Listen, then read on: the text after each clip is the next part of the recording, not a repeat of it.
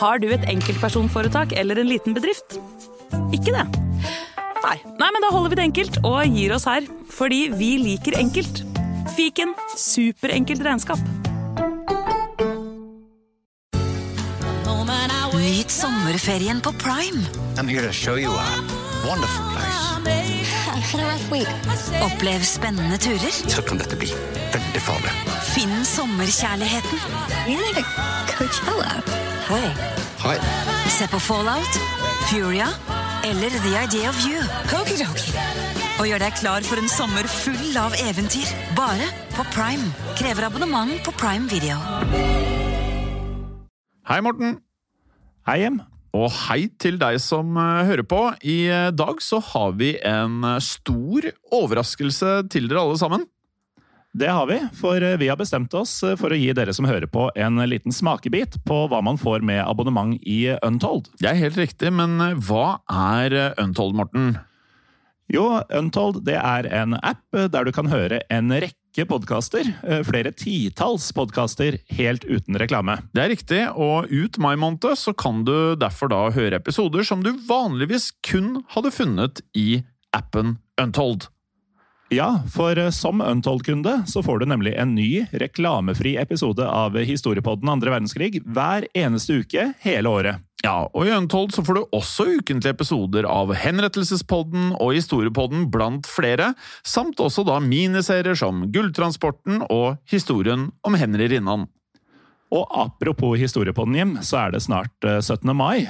Og i Historiepodden så vil man kunne høre episoden om torgslaget i Kristiania i forbindelse med nettopp eh, den datoen. Og det er en episode som alle bør få med seg. Jeg tenker det, og skulle du som hører på nå sitte igjen og tenke at du veldig gjerne vil høre en episode av Historiepodden andre verdenskrig hver eneste uke, så er da, som du helt sikkert skjønner, Untold en mulig løsning for deg. Det er helt riktig. Da går du inn på AppStore eller Google Playstore og laster ned Untold. Eller du går til untold.app i nettleseren for å starte ditt abonnement i dag. Ja, og har du ikke gjort dette før, Morten, så er det faktisk sånn da at du får hele første måneden helt gratis! Ja, eh, og det har skjedd. Og det kan skje igjen. Advarsel. I denne podkasten vil du høre historier basert på informasjon programlederne har funnet selv. Programlederne står ikke nødvendigvis inne for meninger og syn som fremstilles. Noen påstander kan avvike fra virkeligheten.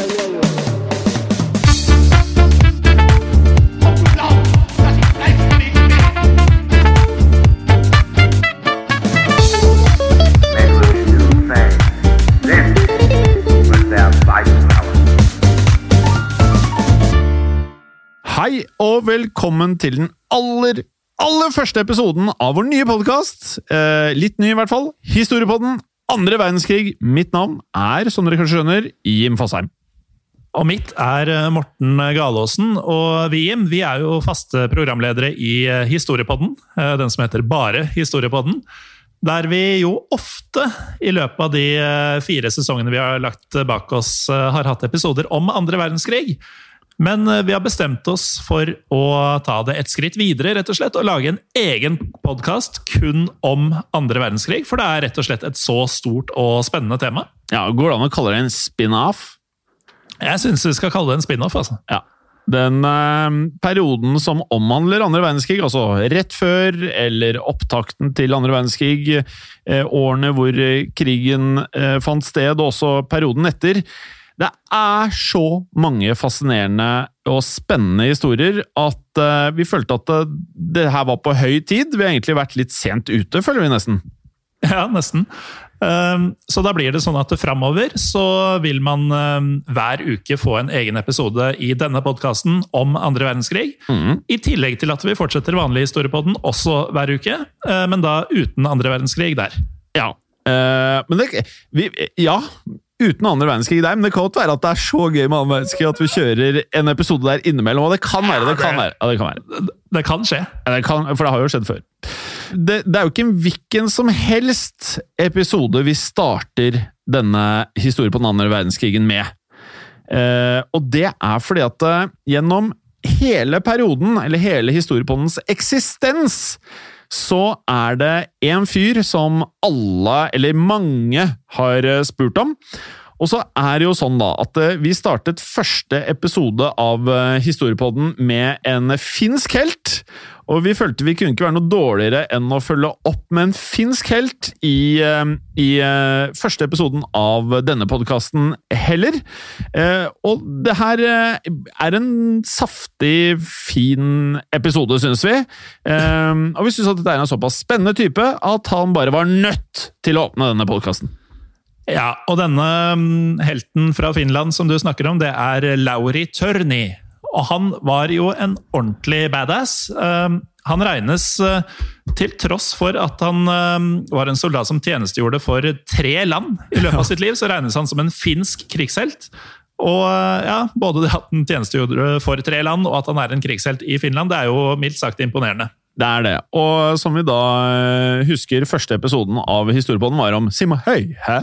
Simo Høy, og nå er det Lauri Tørni. Lauri Torni. Eh, og nå er det jo sånn, da. Du nevnte jo tre land. Og da kan jo kanskje folk der tenke at eh, ja, kanskje det var Finland, Sverige, kanskje Norge. Men det er eh, ikke det som er fasiten. Finland er det, da. Hæ? Finland, så.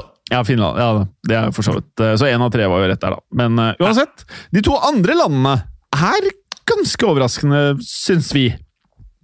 For det er da Tyskland og USA. Eh, sånn at den militære karrieren hans gikk nesten uavbrutt i ja, nesten tre tiår, altså 28 år. Eh, og han var nemlig en mann som levde for å være soldat. Kan jo minne litt om en fyr vi ble kjent med i historiepodden for en tid tilbake, Jim. Uh, Sir Adrian Carton de Viart. Ja, det er ikke Episoden. helt ulikt fjart. Uh, Lauri Tørni ble født eh, 28. mai 1919, så over 100 år siden i en eh, middelklassefamilie i Finland. Ja, og da Tørni vokste opp, så ble han en svært god skiløper. eh, Og dette skulle bli nyttig i hans militære karriere.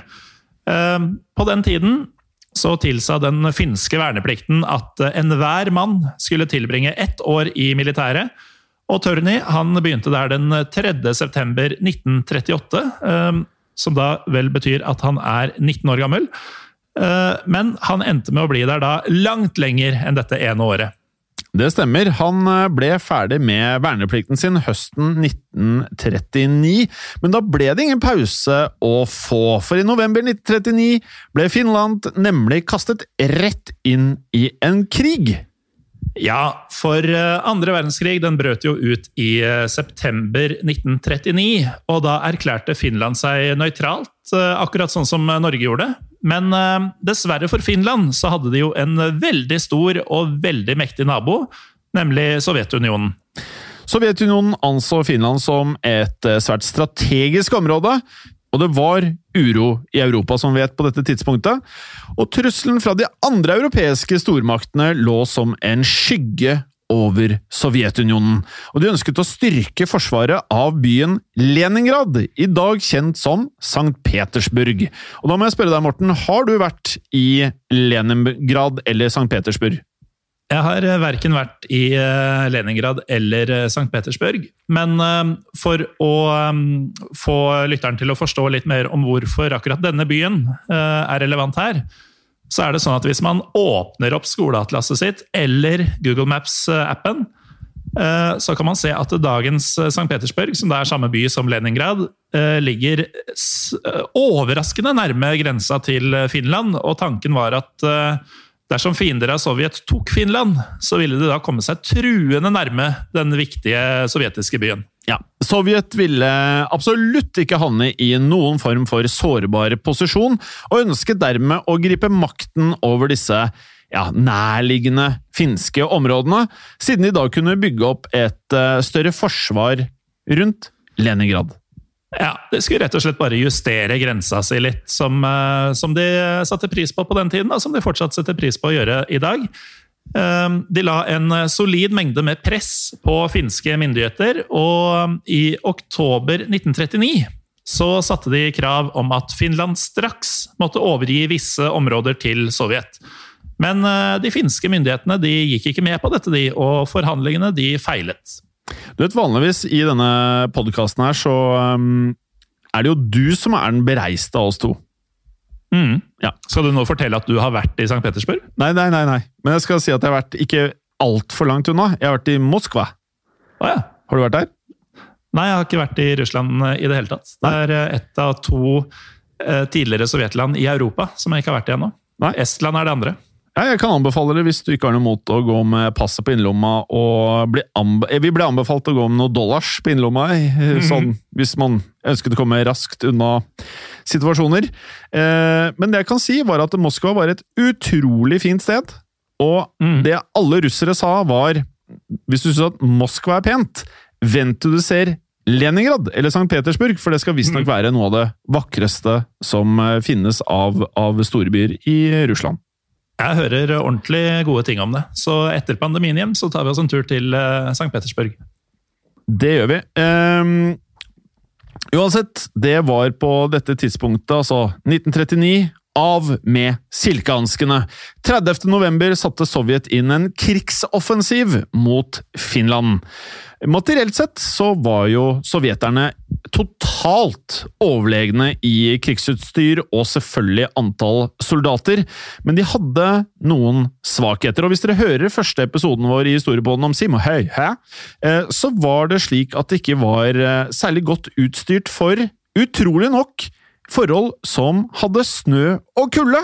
Eh, noe som man da forbinder med Russland, i hvert fall sier jeg det. Dette var jo selvfølgelig en enorm tabbe når du skal invadere et land som Finland. Eh, og spesielt når du skal inn i Finland når det er vinter. Ja, og finnene de var jo da noe bedre forberedt, må det gå an å si. De hadde bl.a. hvitt kamuflasjetøy og ski, som gjorde at de eh, både kunne suse av gårde i høy fart, men samtidig være vanskelig å få øye på i snøen. Og dette var jo da to ting som de sovjetiske soldatene ikke hadde. Ja. Og når man suser av gårde i snøen, da, da, da går det fort. Ja, nærmest usynlig i stor fart. Da, går det, da er det vanskelig.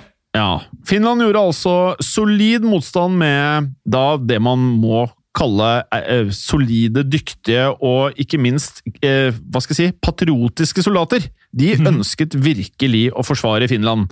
Men Sovjet hadde da dette overlegenheten i soldater og utstyr. Ja, så sakte, men sikkert så ble finske forsvarslinjer eh, tvunget tilbake utover vinteren og ut på nyåret 1940.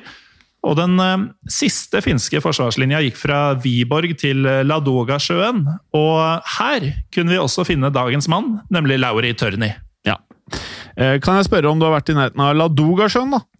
Jeg har ikke det, men jeg var eh, på en liten heisatur til Praha for noen år tilbake, og da traff vi to, eh, to søte frøkner ute på dansegulvet som var fra Viborg, faktisk. Så kanskje man skulle avlagt dem et besøk og tatt en tur innom Ladogasjøen også, når vi først er i traktene etter pandemien hjem. Der hadde jeg forventet et klart nei, at du ikke hadde noen assosiasjoner til Ladogasjøen, men eh, ja, du hadde en link der òg. Jeg overrasker stort i dag. Ja, du gjør det. Uansett, tilbake til historien. Vi kan jo bare kjapt si, Morten, at eh, selve dette, eh, dette slaget eller krigen mellom Finland og Russland blir referert til som vinterkrigen. Mm. Og under vinterkrigen ble Lauro Tørni han ble sendt nordøst for Ladogasjøen, der han fikk smake krig for aller første gang, og deltok i kampene mot da disse sovjetiske soldatene. Og her kom hans utrolige ferdigheter som skiløper til gode. Han brukte nemlig skiene sine til å unnslippe nesten bokstavelig talt fiendens kuler. Det er nesten litt sånn eh, Den James Bond-filmen, er det 'Tomorrow Never Dies'? Jeg tror Han rømmer, ne- Ja, jeg tror rømmer det av gårde med ski. Ja. Um, så på beste James Bond-vis så, så suste da Lauri Tørni rundt eh, i kuleregnet og slapp unna. Og um, han gjorde dette så bra at uh, under disse kampene ved Ladoga så ble han gjort til kommandør.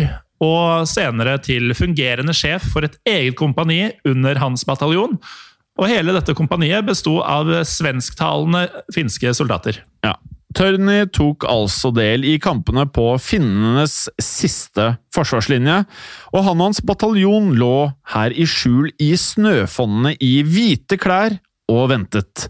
Så når fienden viste seg, så kunne de åpne ild uten at fiendene hadde sett de i de hvite klærne. Så kastet de bare på seg skiene og forsvant. Den 8. januar 1940 viste Tørny virkelig hva han var god for. Han ledet bataljonen sin selvsagt kledd i hvit kamuflasje i et angrep mot de sovjetiske styrkene. De gjemte seg uoppdaget i den dype, dype snøen før de storma frem og slo til, og dette overraskelsesangrepet overrumpla de sovjetiske soldatene. Et øyeblikk var det stille, og i neste sekund så dukka finnene opp av snøen, altså ut fra ingenting, og åpna ild med maskinpistoler. Og da skjønner man jo hva slags eh, eh, krig finnene førte her. De eh, hadde overtak i at de kjente geografien, og hadde da riktig tøy, de hadde ski, de klarte å kamuflere seg i den hvite snøen. Og da var det sånn at de hadde dette her, eh, overrumplingen på deres side. Og det de ofte da gjorde, var at de kastet granater, og de kastet det nedi soldatenes skyttergraver, og detonerte eksplosiver som da sprengte både lastebiler og bunkere til himmels her. Og Lauri Tørnis dyktige lederegenskaper de sørga for at eh, hele angrepet endte uten at eh, bataljonen hans mista en eneste soldat. Det er helt sykt. Det er helt enormt. Og militæret de anerkjente han selvsagt for motet og dyktigheten, og dette var begynnelsen på hans eh, senere status da som finsk krigshelt. Ja. Vinterkrigen skulle imidlertid ikke fortsette veldig mye lenger, for uh, samtidig som dette foregikk, så uh, skulle da finske myndigheter forstå nærmest at de ikke hadde noe sjanse mot Sovjetunionen, og med det så klarte de ikke å holde unna veldig mye lenger. Nei, så natt til 13. mars 1940 så ble en fredsavtale mellom Finland og Sovjetunionen undertegnet, der Finland måtte gi fra seg områder på til sammen 35 000 kvadratkilometer, og dette inkluderte områder nord for Ladogasjøen, der Tørni hadde kjempa. Ja. Finlands eh, nederlag eh, satte sine spor hos eh, Tørni, for han hatet Sovjetunionen og anså dette som en ydmykelse av hans kjære Finland. Ja, og han hadde jo som nevnt bevist sin dyktighet i krigen og steget i gradene mens den foregikk, og mot slutten av vinterkrigen så tok han kurs på en eh, finsk reserveoffiserskole, som han hadde fått invitasjon til etter det vellykkede overraskelsesangrepet vi nevnte fra januar 1940, og deretter så ble han sendt til det 12. infanteriregimentet. Ja, det er, eh, og det kommer til å være mye militæruttrykk og eh, ja, ranger som blir nevnt i denne episoden. Men vi skal prøve å holde tunga rett i munnen, og så får dere bare se, ja, spole tilbake 15 sekunder hvis dere må det. Men sånn generelt så betydde alt dette at Turner klarte å klatre i gradene i militæret ganske kjapt. Mm. Men samtidig som han klatra, så var dette finske nederlaget noe som forsterka et hat i Lauri Tørni. Det var et hat mot Sovjetunionen og mot kommunistene. Og nå var det jo foreløpig slutt på krigen i Finland, så Tørni måtte jo da få utløp for dette hatet på en annen måte. Han ville vekk fra Finland, og han ville vekk fra Sovjetunionens klamme klør. Men han var ennå ikke ferdig med dette livet som kriger, og det skulle han aldri bli. Han dro derfor i frivillig militærtjeneste for land nummer to i listen vår av de tre landene han skulle representere eh, militæret til. Og dette var Tyskland! Ja, det er helt riktig. Fra tidlig juni til seint juli i 1941 så tjente Lauri Tørni da under tyske SS-tropper i Tyskland og Østerrike. Han var en del av en egen bataljon som besto av nettopp finske frivillige fra vinterkrigen. Ja, Nazistene mente Tørni gjorde en strålende innsats med sine ja, må vi kunne kalle verdifulle krigserfaringer, og SS forfremmet han derfor til en Untersturmführer. Untersturmführer! Ja, og dette her høres ut som en voldsomt heftig grad. Ja, men var det egentlig det? Ja, det var en grad som på norsk tilsvarer graden fenrik. Og det er vel den laveste offisersgraden, tror jeg? ja, det er, slik, det er slik vi har forstått det, men ingen av oss har vært i militæret. Nei, på ingen måte. Uh, uansett, ifølge en biografi om Lauri Tørni, så skal det ikke finnes bevis på at han hadde omfavna uh, nazistenes uh, syn og meninger. det var mest en strategisk mulighet til å fortsette å kjempe, og da sammen med Tyskland. Fienden til landet han hata så intenst. Ja. Juni 1941 var jo da Tyskland gikk inn og forsøkte å invadere Sovjetunionen i Operasjon Barbarossa. Som vi da har uh, hatt en, uh, syns jeg, en veldig fin episode om i Historiepodden tidligere. Og dermed hadde de to landene blitt fiender. Ja, som han sier, eh, min fiendes fiende er min venn. Og Tørny han hata jo da Sovjetunionen såpass grundig, så han gikk da inn i militæret til Sovjets fiende Tyskland. Dette var jo en mann som nekta å gi opp eh, kampen, og i tiden hos SS så fikk han en del krigsopplæring, men han endte opp med å faktisk aldri bli sendt til fronten. Nei. Tørni kunne ha blitt sendt i eh, området der kampene var mot eh, Sovjet, men SS sendte ham i stedet tilbake til Finland. Visstnok så ble dette gjort fordi eh, SS hadde for mange offiserer i bataljonen, som da inkluderte Tørni. De hadde rett og slett ikke bruk for alle. Du har en grei krigsmaskin hvis du må drive og sende tilbake offiserer fordi du har for mange av dem. altså. Ja, voldsomt. Men uh, det skulle jo ikke bli noe mindre action på Tørni som følge av dette. For uh, da han kom tilbake til Finland om høsten 1940, så var det krig igjen. Eh, det var, det var det som eh, finnene kaller fortsettelseskrigen. Eh, Den hadde brutt ut, og den regnes for å ha foregått eh, mellom 1940 og 1944. Ja, for etter at Finland måtte avstå områder til Sovjetunionen i mars samme år, så hadde det naturligvis bygget seg opp en god del nag til fienden, og et finsk ønske om å ta tilbake disse områdene. Men det kunne jo ikke Finland gjøre helt uten noen form for hjelp. Nei, og denne hjelpen den kom faktisk da i form av Tyskland, som om våren 1941 planla invasjon av Sovjet, som vi nevnte tidligere. Så Tyskland og Finland de inngikk derfor et aldri så lite samarbeid, de. Ja, så da Tyskland gikk inn i Sovjetunionen den 22. juni 1941, gjorde finske tropper seg også klare, og noen dager senere så marsjerte de over grensen til områdene i Sovjetunionen som før hadde vært finske. De kjempet seg fremover samtidig som da man så at Sovjet ikke kunne yte samme motstand som de ellers ville ha gjort, nettopp fordi de var distraherte av tyskernes inntog, som fått se nøyaktig samme tid. Og allerede den 3. september så hadde finnene nådd fram til den gamle grensa, og etter det gikk de inn for å besette flere sovjetiske områder. Ja, Vi skal nok eh, nevne at det aldri var en offisiell eh, allianseavtale mellom Tyskland og Finland, men eh, det var litt eh, taktisk samarbeid. Det er bekreftet. Ja, og det var dette taktiske samarbeidet Tørni kom tilbake til da han returnerte til Finland. Så det ble mer kamp, som jo var perfekt for han. Det var til og med mer kamp mot Sovjetunionen. Og Han ble da satt inn som eh, troppssjef og forfulgte sovjetiske soldater som trakk seg tilbake i områder nord for den tidligere nevnte Ladogasjøen. Han eh, jagde dem rett og slett eh, tilbake inn i, bak den justerte grensa. Og etter hvert som kulden kom, fant troppssjef Tørni og troppen hans frem skiene, og selvfølgelig den hvite kamuflasjen. Og Denne gangen var et av gruppas oppdrag å redde en eh, såra finsk offiser fra de sovjetiske soldatene. Og dette er et, eh, et oppdrag som illustrerer godt hvorfor Tørny har blitt et så kjent eh, navn. Vi husker jo denne historien om hvordan de plutselig dukka opp fra intet i snøen tidligere, og i 1942 så gjorde Tørny og gjengen hans det samme igjen. Sovjetiske soldater ante fred og ingen fare da det plutselig dukka, opp en tropp med finske soldater som i rasende fart eh, kom eh, på ski med maskinpistolene klare. Og her kan man jo bare se for seg at dette er en eh, scene i en Kanskje en Tarantino andre verdenskrig-film? Ja, litt sånn ja, brått og uventa og brutalt. Ja. Men også liksom bare, når du tenker liksom bare hva slags nerver du må ha hatt bare for i det hele tatt klare å stå på ski midt oppi alt dette her, og i tillegg skyte! Ja, Ganske treffsikkert også, så vidt vi har skjønt det. Ja, og uansett da, så var det sånn at Tørny selv var i spissen og åpnet eh, ilden mens de var i fart. Og skuddene skal ha vært mange og haglet over fiendene, eh, mens soldatene var eh, opptatt av å søke dekning fra skuddene fra disse skiløperne.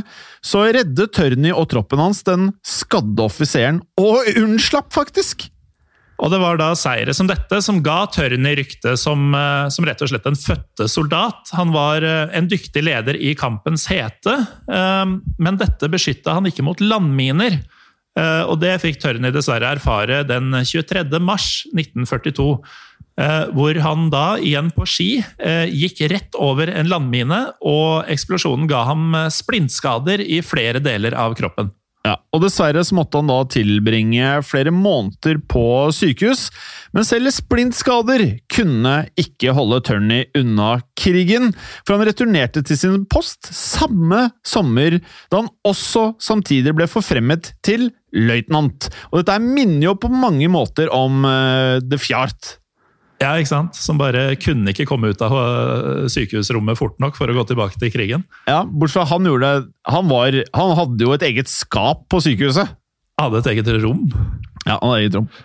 Men øh, denne offensiven til, øh, til Finland inn i Sovjet den ble etter hvert øh, mer stillestående, og Tørni fikk derfor en ny oppgave i desember 1942. Han skulle da lage en jegeravdeling. Eh, Dette var altså 150 håndplukka frivillige soldater som brukte eh, lett krigsutstyr og derfor kunne bevege seg raskt. Og denne jegeravdelinga den ble faktisk kalt Ossasto Tørni. Eller rett og slett eh, Avdeling Tørni. På norsk han fikk avdelinga oppkalt etter seg, rett og slett. Ja, og Sastotorni. Ossasto Tørni. Uh, og de hadde da mange forskjellige oppgaver under uh, fortsettelseskrigen, og det inkluderte blant annet å kidnappe fiendtlige soldater og ta dem til fange. En annen spesialitet som eh, Osasto Tørni gjorde mye av, var eh, ja, brutal etterretning og avlytting. De avskjærte da altså fiendenes eh, fallskjermhoppere med skudd i natten, før de da rakk å bistå sine egne tropper. De tok også den risikable jobben det var å fjernpatruljere, som da innebar å dra på rekognoseringsrunder, eller altså kartleggingsrunder, over store avstander, og gjerne inn i fiendeland. Eh, så det var rett og slett rimelig tøffe folk selv til finner å være, dette her. Ja. Uh, og deres jobb var da i stor grad å operere bak fiendens linjer. Uh, ja, og et av medlemmene i jegeravdelingen under Lauro Tørnis ledelse var Mauno Koivisto. Som Koivisto. Da, Koivisto, som eh, var en mann som senere faktisk skulle bli Finlands president. Og i ettertid fortalte han dette om hans gamle leder Laura Tørni. Tørni as a leader, was liked. In many ways, he emphasized that uh, we were all the same bunch, and he bore his share just like the others. He did not ask anyone to do something he did not do himself. He carried his own load, marched at the lead, and was one of us. Ja, og her skjønner vi litt uh, når, når en tidligere president sier det her om deg, at du er en god leder, uh, da skjønner du Da at er du en god eh, leder, da. Ja, da er du en god leder, det føler jeg. Og han skal ha vært dyktig i kamp, og bare generelt sett vært godt likt. Ja, rett og slett. Og ikke minst en ordentlig beinhard, tøff type. Ja, Avdeling Tørni måtte ha nerver av stål, ettersom de konstant var i landskapet til fienden. Og det var i denne tiden at Tørni virkelig skulle bli en legende, om dere ikke allerede som sitter og hører på nå, føler at han er det. Hans avdeling var så hardføre og ikke minst effektive at de ble godt kjent på begge sider, både i Finland og i Sovjet. Og det er jo litt sånn, eh, Du nevnte Tarantino i stad. Det er jo nesten som Inglorious Bastards. At uh, amerikanerne bruker dem som uh, uh, forbilder som skal få opp moralen, mens fienden har motsatt effekt. At de går rundt og frykter dem hele tiden. Og hva het han Du husker det derre i Inglorious Bastards, så hører du bare dukk, dukk, Ja, ja. dukk. Og da kommer en sånn svær fyr eh, som blir kalt Bearju, var det ikke det? ja stemmer det. Ja. Eh, som eh, tyskerne tror er eh, overnaturlig og det ene og det andre. Og akkurat som The Bear Jew, så ble, ble for amerikanerne i den filmen, så ble da Lauri Tørni en enorm inspirasjon for de finske troppene, som beundra han for disse heltedådene sine i kampen mot den store, mektige Sovjetunionen. Og fylte jo da mm, de sovjetiske soldatene med tilsvarende frykt, for så dyktig var han og Osasto Tørni, altså denne jegeravdelinga hans. For avdeling Tørny tok mange sovjetiske soldater av dage, også i det skjulte. Tørny var nemlig ekspert på å legge planer som sørget for at så mange sovjetiske soldater som overhodet mulig ble drept i hvert angrep, raskt og på utrolig kort tid. Og så kan det jo godt være at det er drevet litt av hatet som vi vet at Tørny hadde mot Sovjetunionen, selvfølgelig. Så litt Skal drepe så mange som mulig hver gang. ja, utrolig motivert i å drepe. eh, og i tiden fremover så fortsetter Tørny og hans menn å overrumple så mange sovjetere som overhodet mulig. Ja, og Sovjetiske soldater måtte jo da alltid se seg over skulderen i frykt for at Tørni og mennene hans eh, skulle gjemme seg bak eh, ja, nærmeste snøfonn. Ja, Litt sånn som vi husker med Simo Heihe, at han var en snøfonn der, så visste ikke russerne om det, ikke, det kunne være en snikkskytter i enhver eneste snøfonn, egentlig. Ja, Det kunne det- være snø, eller det kunne være døden. Så effektive og fryktede var da Tørny og avdelinga hans at den sovjetiske Røde armé de utlova en enorm dusør for Tørnis Tørnys hode. Den var på hele tre millioner finske mark, som eh, i norske 2021-kroner er omtrent fem og en halv million norske Ja. kroner. Men bare Det her sier jo litt om hvor redde russerne faktisk ikke bare var um, De må jo ha vært redde for legenden om han, altså inspirasjonen han kanskje ga de andre finnene, men ikke minst frykten, da! Eh, hva slags frykt han skapte, og sikkert antall liv han hadde på samvittigheten. Vi har ikke klart å finne et eksakt tall, sånn som vi gjorde med Simo Heie. Med Simo Heie så fant vi ut hvor mange han hadde skutt, og at han var den dødeligste sniperen gjennom tidene. Mens med Heie så må vi sette mer lit til at det var 5,5 millioner norske kroner i dag på hodet hans. Ehm, og Tørny var den eneste finnen i historien som Sovjet utløvet en dusør for. Og det sier jo litt med tanke på episoden om Simo Heie. Ja, ikke sant? Men eh, til tross for eh, denne enorme dusøren, så var det ingen som klarte å fange eller drepe Lauri Tørny. Nei, han klarte alltid å komme seg unna.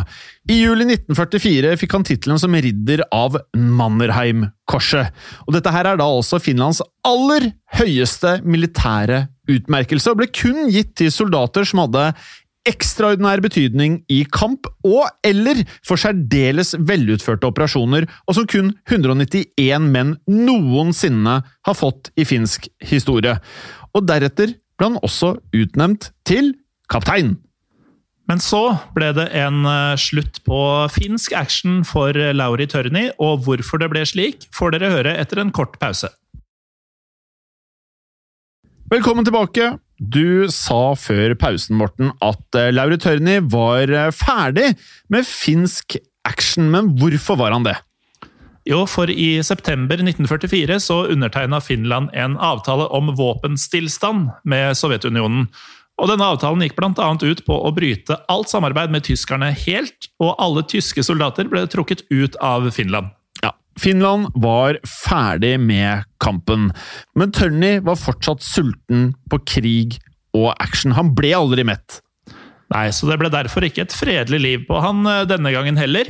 Et uh, hat mot eh, Sovjetunionen og kommunistene satt fortsatt, til tross for alle disse eh, angrepene på dem, fortsatt sterkt i han. Ja, eh, I tillegg var han ekstremt misfornøyd med kravene Finland måtte gå med på i avtalen om våpenstillstanden. våpenstillstand. Fordi grensene Sovjet hadde satt opp i 1940, skulle faktisk fortsette å gjelde.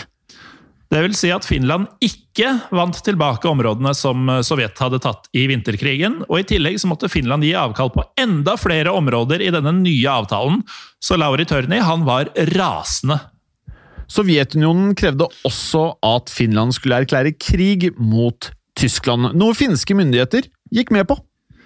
Tørni bekymra seg for at eh, Sovjet skulle organisere et nytt angrep på Finland senere for å invadere og okkupere hjemlandet hans. Han ble dimittert fra det finske militæret, men han var ikke fornøyd med å leve et sivilt eh, liv helt ennå. Derfor bestemte han seg for å dra over til Tyskland. Igjen! Og fra slutten av januar til begynnelsen av mai 1945 opererte han i et eh, spesialoppdrag som kaptein for SS-tropper. Der fikk han også opplæring i sabotasjearbeid.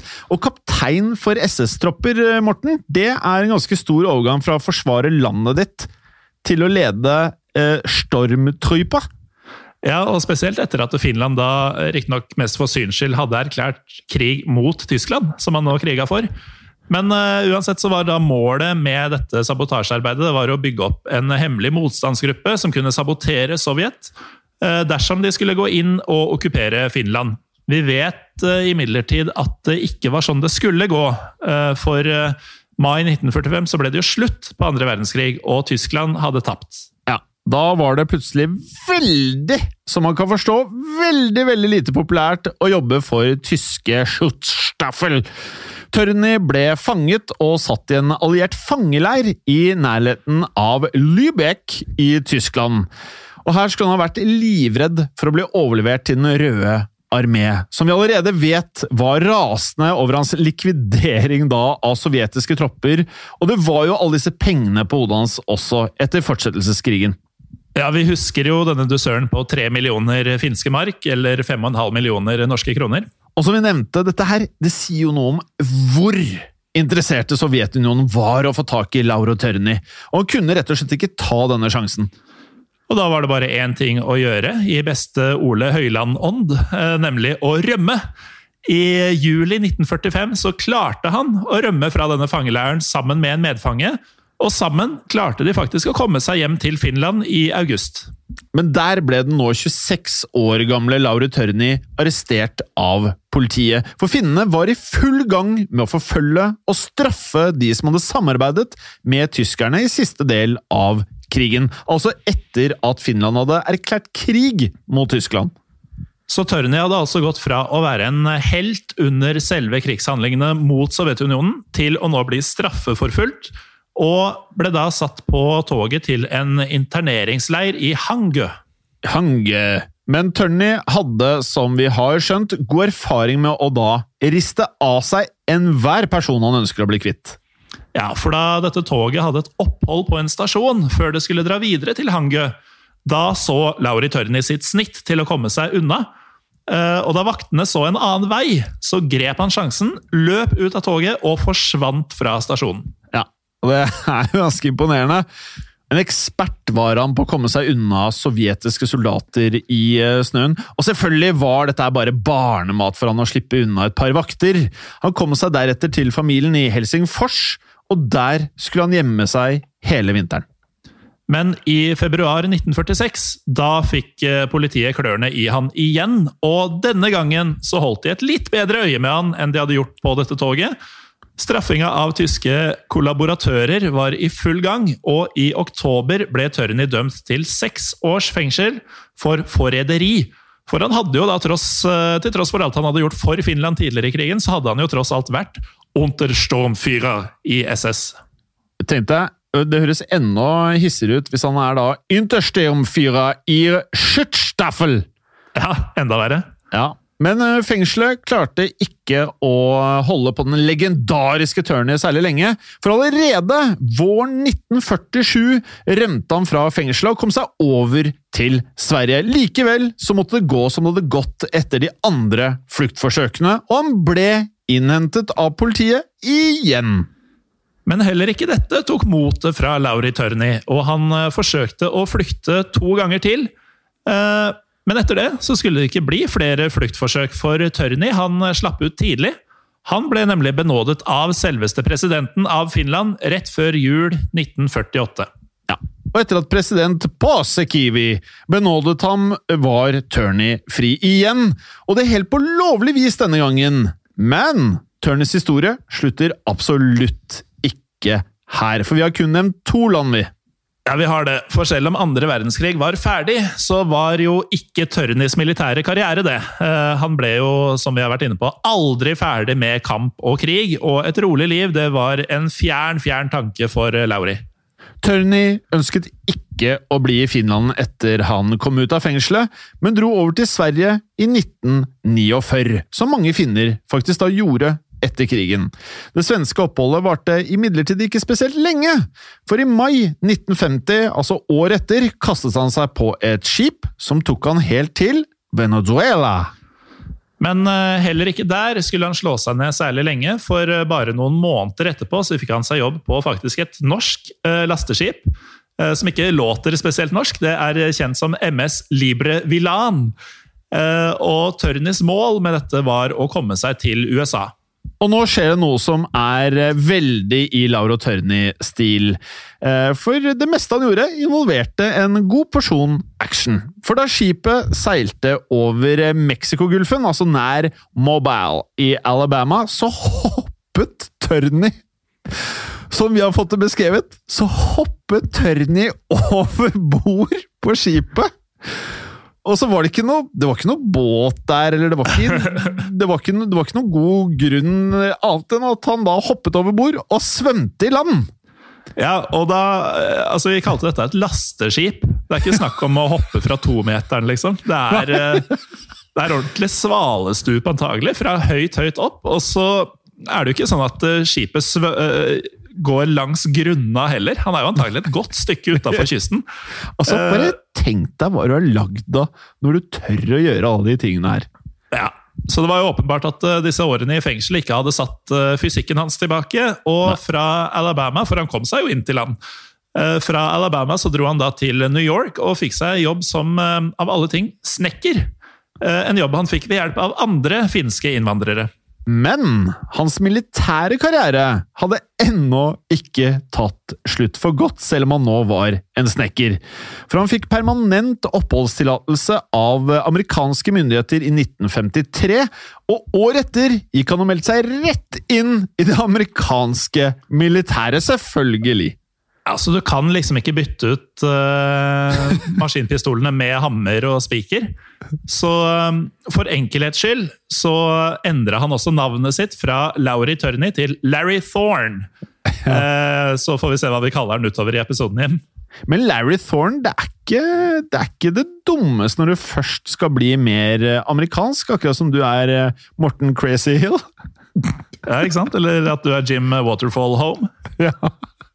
Men det var én ting han måtte gjøre før han kunne bli med i det amerikanske militæret. På hans venstre arm hadde han nemlig en tatovering som han hadde fått under sin tjeneste for eh, Nazi Germany.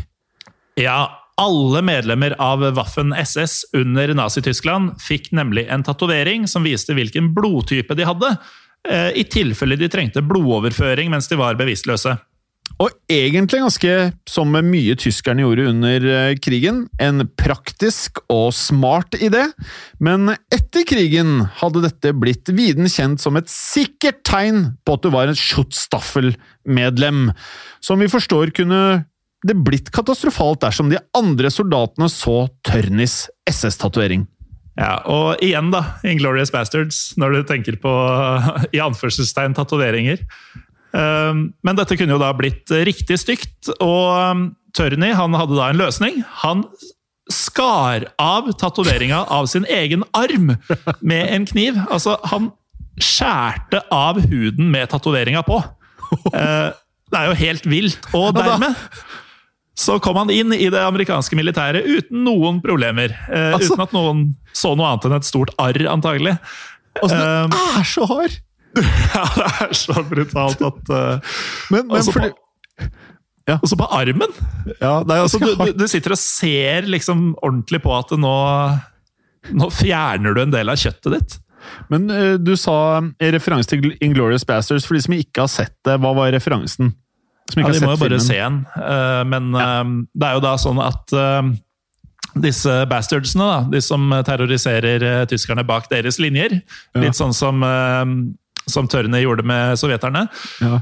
de, eh, Dersom de tar noen til fange og lar dem leve videre, så eh, er det jo sånn at eh, folk skal få lov å vite at disse kjempa for nazistene under krigen, selv når krigen er ferdig. Så det de gjør, er å risse inn et hakekors med kniv i panna Ja. på alle disse fangene de tar, og så slippe løs. Og det er litt Så- verre å skjære av.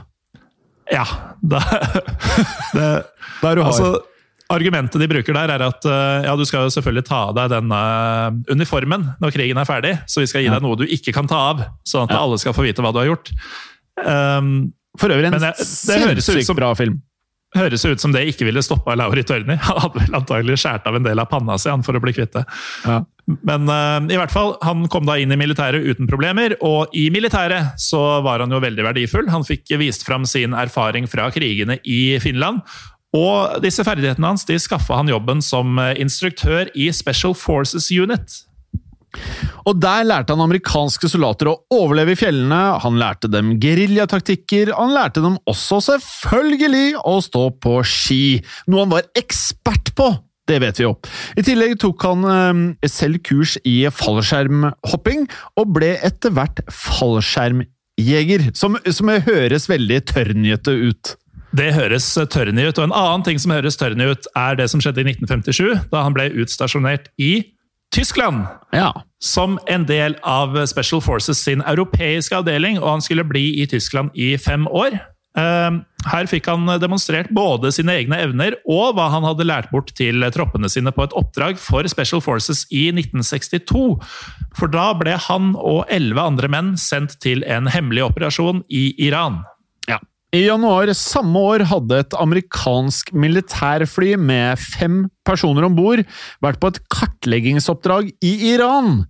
Kartsystemene i flyet hadde brått sluttet å fungere, og piloten så seg derfor nødt til å fly i det man kan kalle i blinde. Ja, og flere av systemene på flyet feilet, og de endte da med å måtte krasjlande på fjellet Sagrosbergen i en høyde på over 4000 meter. Og denne krasjlandinga den sendte flyet gjennom snø og is, og et eh, kraftig slag spant flyet rundt, sånn at det havna opp ned til slutt. Og, og da, da flyet stoppa, så var passasjerene faktisk fortsatt i live, men de var da begravd under snøen. Og de gravde seg så ut og fikk eh, dratt med seg litt eh, nødproviant, men sto altså midt på fjellet, omgitt av kun snø og is. Ja, og de hadde også soveposer, heldigvis, som, eh, som de hadde nok til alle, og alle fikk lagt seg i soveposene. Men snøen den dro dem ned, så de rulla nedover bergveggen. Tenk deg det i en sovepose. inn. Eh, to av disse fant mirakuløst nok tilbake til flyet, der de etter hvert ble funnet av redningsmannskap. Ja.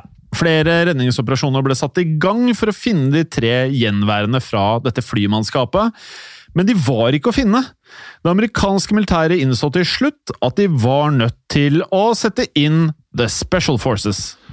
Og det var selvsagt da vår mann Lauri Laurie Turney, Larry Thorne, hva du skal kalle han, eh, sammen med en kaptein ved navn Herb Chandler, som ble satt til dette oppdraget. Ja, De eh, skulle sendes opp og lokalisere disse tre savnede, om det så var å finne likene deres. I tillegg skulle de også klatre til selve krasjstedet og hente ut flyets hemmelige systemer for radio, foto og navigasjon. Det amerikanske militæret kunne rett og slett ikke risikere at disse systemene havnet i feil hender. Og det er jo ganske åpenbart at det var Tørni som var rett mann for jobben, eh, som denne eksperten på vinterforhold og overlevelse til fjells. Han ble nestkommanderende på en letepatrulje på tolv mann, og de besteg de første 3000 meterne av fjellet på muldyr, av alle ting. Eh, Men etter det så måtte de ta seg frem til fots. Ja. De kom seg de siste 1300 meterne opp til eh, flyvraket, der de tok med seg det som var igjen av disse systemene. Og deretter klatret de opp på høyder og bergvegger for å få en bedre oversikt. Det endte med at de fant to lik etter de savnede flypassasjerene, og de la dem i soveposer. Deretter så ble de begravd i snøen. Og Teamet begynte da å søke etter den tredje og siste personen med lavinesonder, som eh, er et redskap man bruker for å finne mennesker under snøen, men eh, høyden og de ekstreme forholdene gjorde dette svært vanskelig. Ja, og For å gi et bilde på det, så skrev Tørni dette om natten på fjellet den 10. juni. Og dette er et svensk sitat, så jeg skal forsøke meg på min beste svorska eller svenska. Den natten opplevde vi en underlig kjensla som gav oss en sømløs natt. Når vi lade oss ned for å forsøke å sove, kunde vi inte andas ordentligt, uten vi fikk sitte oppe for ett å få inn tilrekkelig med luft i våre lungor. Det kunne jo gått mye verre hjem. Eh, Men det kunne en, gått bedre òg, eller? En, en stille applaus fra min side. Ja. Men det han sier er jo da at noen netter så fikk man altså nesten ikke puste, fordi det var så hardt der oppe i høyden.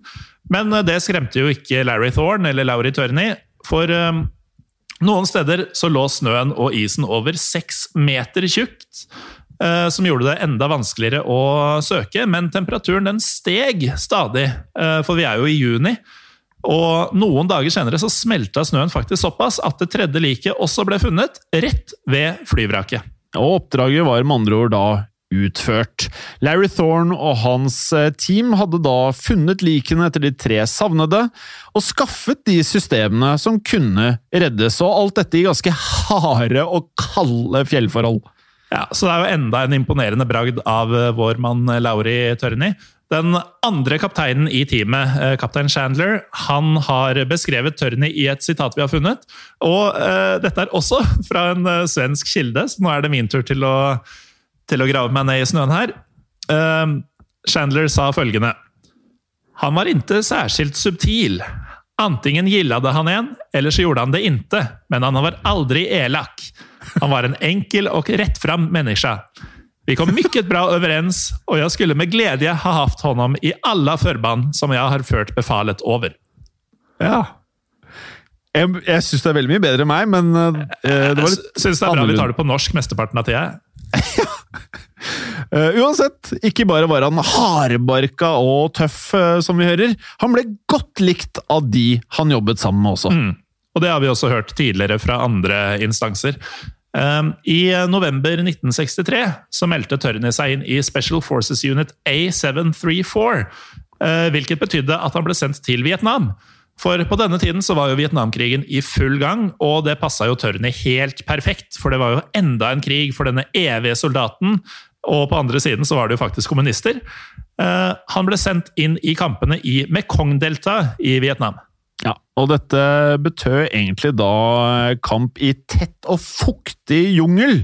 Ganske annerledes fra eh, vinterkrigen i Finland, dette her. Men Turney var eh, fortsatt et råskinn i eh, krig, han. Han ledet overraskelsesangrep og forsvarte amerikanske baser. Ja, altså han, var, han var tøff, han ga seg aldri, og mennene han leda, de stolte fullt og helt på instinktene hans, som jo tilsynelatende alltid var rett. Ja, nesten noe av det, det Han fremstår jo som en av de kanskje aller beste soldatene vi har prata om i historiepodden så langt. Ja, han gjør det. Ja. Eh, Og noe som eh, var eh, en del av hans eh, styrke, var jo da også å planlegge ting til punkt og prikke. Og han hadde alltid en ekstra plan i eh, bakhånd dersom noe skulle gå skeis. Ja, og En gang så ante han at det ville komme et angrep på en nybygget amerikansk base som nettopp var blitt ferdigstilt. Alle på denne basen forventa et angrep, ettersom eh, basen nettopp var ferdig bygget og utstyrt med store, store våpenlagre. Og mens de vurderte hvordan de skulle takle et sånt angrep, da fikk Lauri Tørni en idé. Larry Thorne visste at fienden først og fremst ville ta seg til våpenlagrene der basens maskinpistoler lå. Derfor plasserte han ut eksplosiver rett ved lagrene, nære nok til at de ville treffe fienden, men langt nok unna til at de ikke ville skade våpnene. Og fienden de angrep eh, de, og ganske riktig så gikk de rett til våpenlagrene, akkurat som Larry Thorne hadde forutsett. De eh, åpna ild, og Tørni han strakte seg etter detonatoren og fyrte løs. Og Eksplosivene de gikk i lufta og drepte fiendene som var nærmest. Dermed fikk Thorn Thorne og soldatene hans sjansen til å løpe bort, gripe maskinpistolene og også forsvare de viktige våpenlagrene. Så atter en gang en genial plan fra Larry Thorne, som han nå het. Uh, uansett om det var da dyp snø, høye fjell eller tett jungel, så visste han akkurat hvordan man skulle vinne en kamp. Man kan nesten begynne å si at man tar en tørn ja. Han eh, fikk to eh, amerikanske utmerkelser for eh, sitt mot og fremragende tjeneste. Og vi husker at han allerede var kaptein i den finske hæren, men hans arbeid i den amerikanske hæren sørget også for at han da ble forfremmet til kaptein her også. Ja, og det sier jo ikke rent lite. Uh, han starter jo omtrent på samme sted. uh, uansett hva man har gjort for andre makter. Men nå hadde han blitt godt over 40, så etter å ha kjempa på fronten i eh, to år, så ble han overført til en styrke med det lange navnet Military Assistance Command Vietnam Studies and Observations Group. Ikke det enkle Eller ikke, jeg hadde ikke klart å huske det, men eh, det forkortes ofte til MacV-SOG. eh, Som heller ikke er det korteste navnet. Men eh, ja, MacV-SOG. Noe enklere, kanskje. Kanskje litt, men eh, det kunne fortsatt blitt trimma litt, eh, kjenner jeg. Bare Mac. Men det, det Military Assistance Command Vietnam Studies and Observations Group, eller MACV-SOG, eh, drev med, det var spesielle operasjoner under Vietnamkrigen, som å dra ut på rekognoseringsoppdrag, altså disse kartleggingsoppdragene. eh, Kidnappe fiender, organisere og utføre redningsoperasjoner av amerikanske krigsfanger, den type ting. Og en del av dette hadde jo Tørny erfaring med fra før, som vi jo har vært gjennom. Eh, Alt det, alt det som disse drev med, det var strengt hemmelig. Ja. Turney ble utnevnt til eh, militær rådgiver på senteret der opplæringen for disse hemmeligstemplede styrkene foregikk. Eh, Der var han også med på å planlegge et par av disse hemmelige operasjonene. Den 15. oktober 1965 var Tørny med som observatør i et eh, helikopter på et hemmelig MAKV-SOG-oppdrag som gikk over grensa til Laos, eh, altså nabolandet til Vietnam. Tørny hadde planlagt eh, dette oppdraget og holdt seg derfor i området i tilfelle teamet skulle havne i trøbbel. Så fort han fikk beskjed om at teamet var trygge igjen, tok han frem radioen og meldte at han dro tilbake til basen. Men han eh, kom seg dessverre aldri tilbake, fordi helikopteret med han og mannskapet hans ble fanga i et eh, kraftig regnvær og tett skylag. Og basen mista da kontakten med han, og helikopteret forsvant plutselig ved grensa i Laos. Det skal visstnok eh, være beskrevet som at det bare ble borte. Turney ble erklært savnet, selv om ingen hadde funnet liket til Larry Thorne.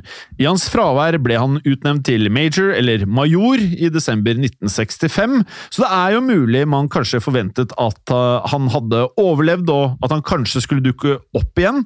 Ryktene gikk om at han fortsatt var ute i jungelen som den krigeren Larry Thorne var. Men eh, Larry Thorne uh, dukka dessverre aldri opp igjen. Eh, det vil si, først i 1999 så ble han funnet, sammen med mannskapet som også hadde vært om bord i helikopteret. Eh, Det hadde jo da krasja denne regnværstunge dagen i 1965, og alle om bord hadde dødd. Det er DNA-tester som har vist at noen av levningene ved helikopteret var etter eh, Larry Thorne, eller Laurie Tørni selv. Eh, Det er ingen tvil om at det er han de fant. Mannen som aldri ble lei av å kjempe, døde altså i Vietnam etter en svært lang militærkarriere under tre forskjellige flagg. Han var en fremragende leder, har vi lært, som sådde frykt i hjertene til sovjetiske soldater, overlevde beinharde forhold på skyhøye fjell og kjempet seg gjennom jungelen i Vietnam. I korte trekk en mann det står utrolig respekt av. Og um, ettersom han fikk denne benådninga i Finland, så anses han fortsatt som en krigshelt der. Og um, det føler vi vel at han fortjener hjem. Ja, så definitivt en av de aller, aller største heltene vi har prata om noen gang. Mm. Og det har vært eh, veldig spennende å snakke om han eh, her i Historiepodden andre verdenskrig, og vi håper at dere som hører på også syns eh, dette var spennende. Ja, og ikke minst verdig som første episode av eh, denne nye eh, spin-offen av Historiepodden.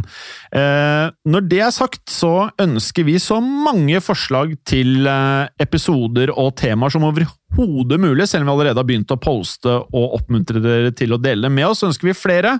Og det kan dere poste og gjerne dele på Historie for alle, altså denne Facebook-gruppen vår, der både Historiepodden og Gangsterpodden og Krigsrevyen er en del av. Og rate oss gjerne på iTunes, selv om vi skjønner at veldig mange har begynt å høre på Historiepodden på Spotify også, så er det veldig hyggelig å få stjerner på iTunes. Ja, Vi syns det er veldig hyggelig med disse stjernene. Eh, I tillegg til um, Facebook-gruppa, så har vi også en Facebook-side som heter Historiepodden Norge. Eh, lik gjerne den. Og um, er du på Instagram, så heter vi Historiepodden Norge der også. Følg oss gjerne Ja. der. Ja. Eh, Morten, eh, det er slik at det der har skjedd. Og eh, selv om det ikke er veldig sannsynlig, det kan skje igjen. Jeg tror ikke det, faktisk. Nei, det kan ikke det, vet du. Det er ikke alltid dette passer. Nei, er, nei men den er fin. Ha det bra. Ha det. I produksjonen av Historiepodden så ønsker vi å takke Håkon Bråten for lyd og musikk. Takk til Felix Hernes for produksjon. Takk til Ellen Froktenestad for tekst og manus. Og takk til deg, Morten Galesen, for programlederrolle. Og takk til deg, Jim Fosheim, for programlederrolle. Moderne media. Hei, og takk for at du hører på denne podkasten. Bøddel er en eh, miniserie som tidligere har blitt publisert i Untold, men ut mai vil du få tilgang til denne samt en rekke andre miniserier og ukentlige episoder av Moderne Media sine podkaster. Du finner Bøddel og andre podkaster som Henrettelsespodden helt reklamefritt i Untold. Som en liten smakebit så får du hver uke i mai en ny episode av disse podkastene, som vanligvis kun er tilgjengelig for Untold-abonnenter. Hvis du liker det du hører, så bør du laste ned Untold, eller gå til untold.app for å starte ditt abonnement i dag.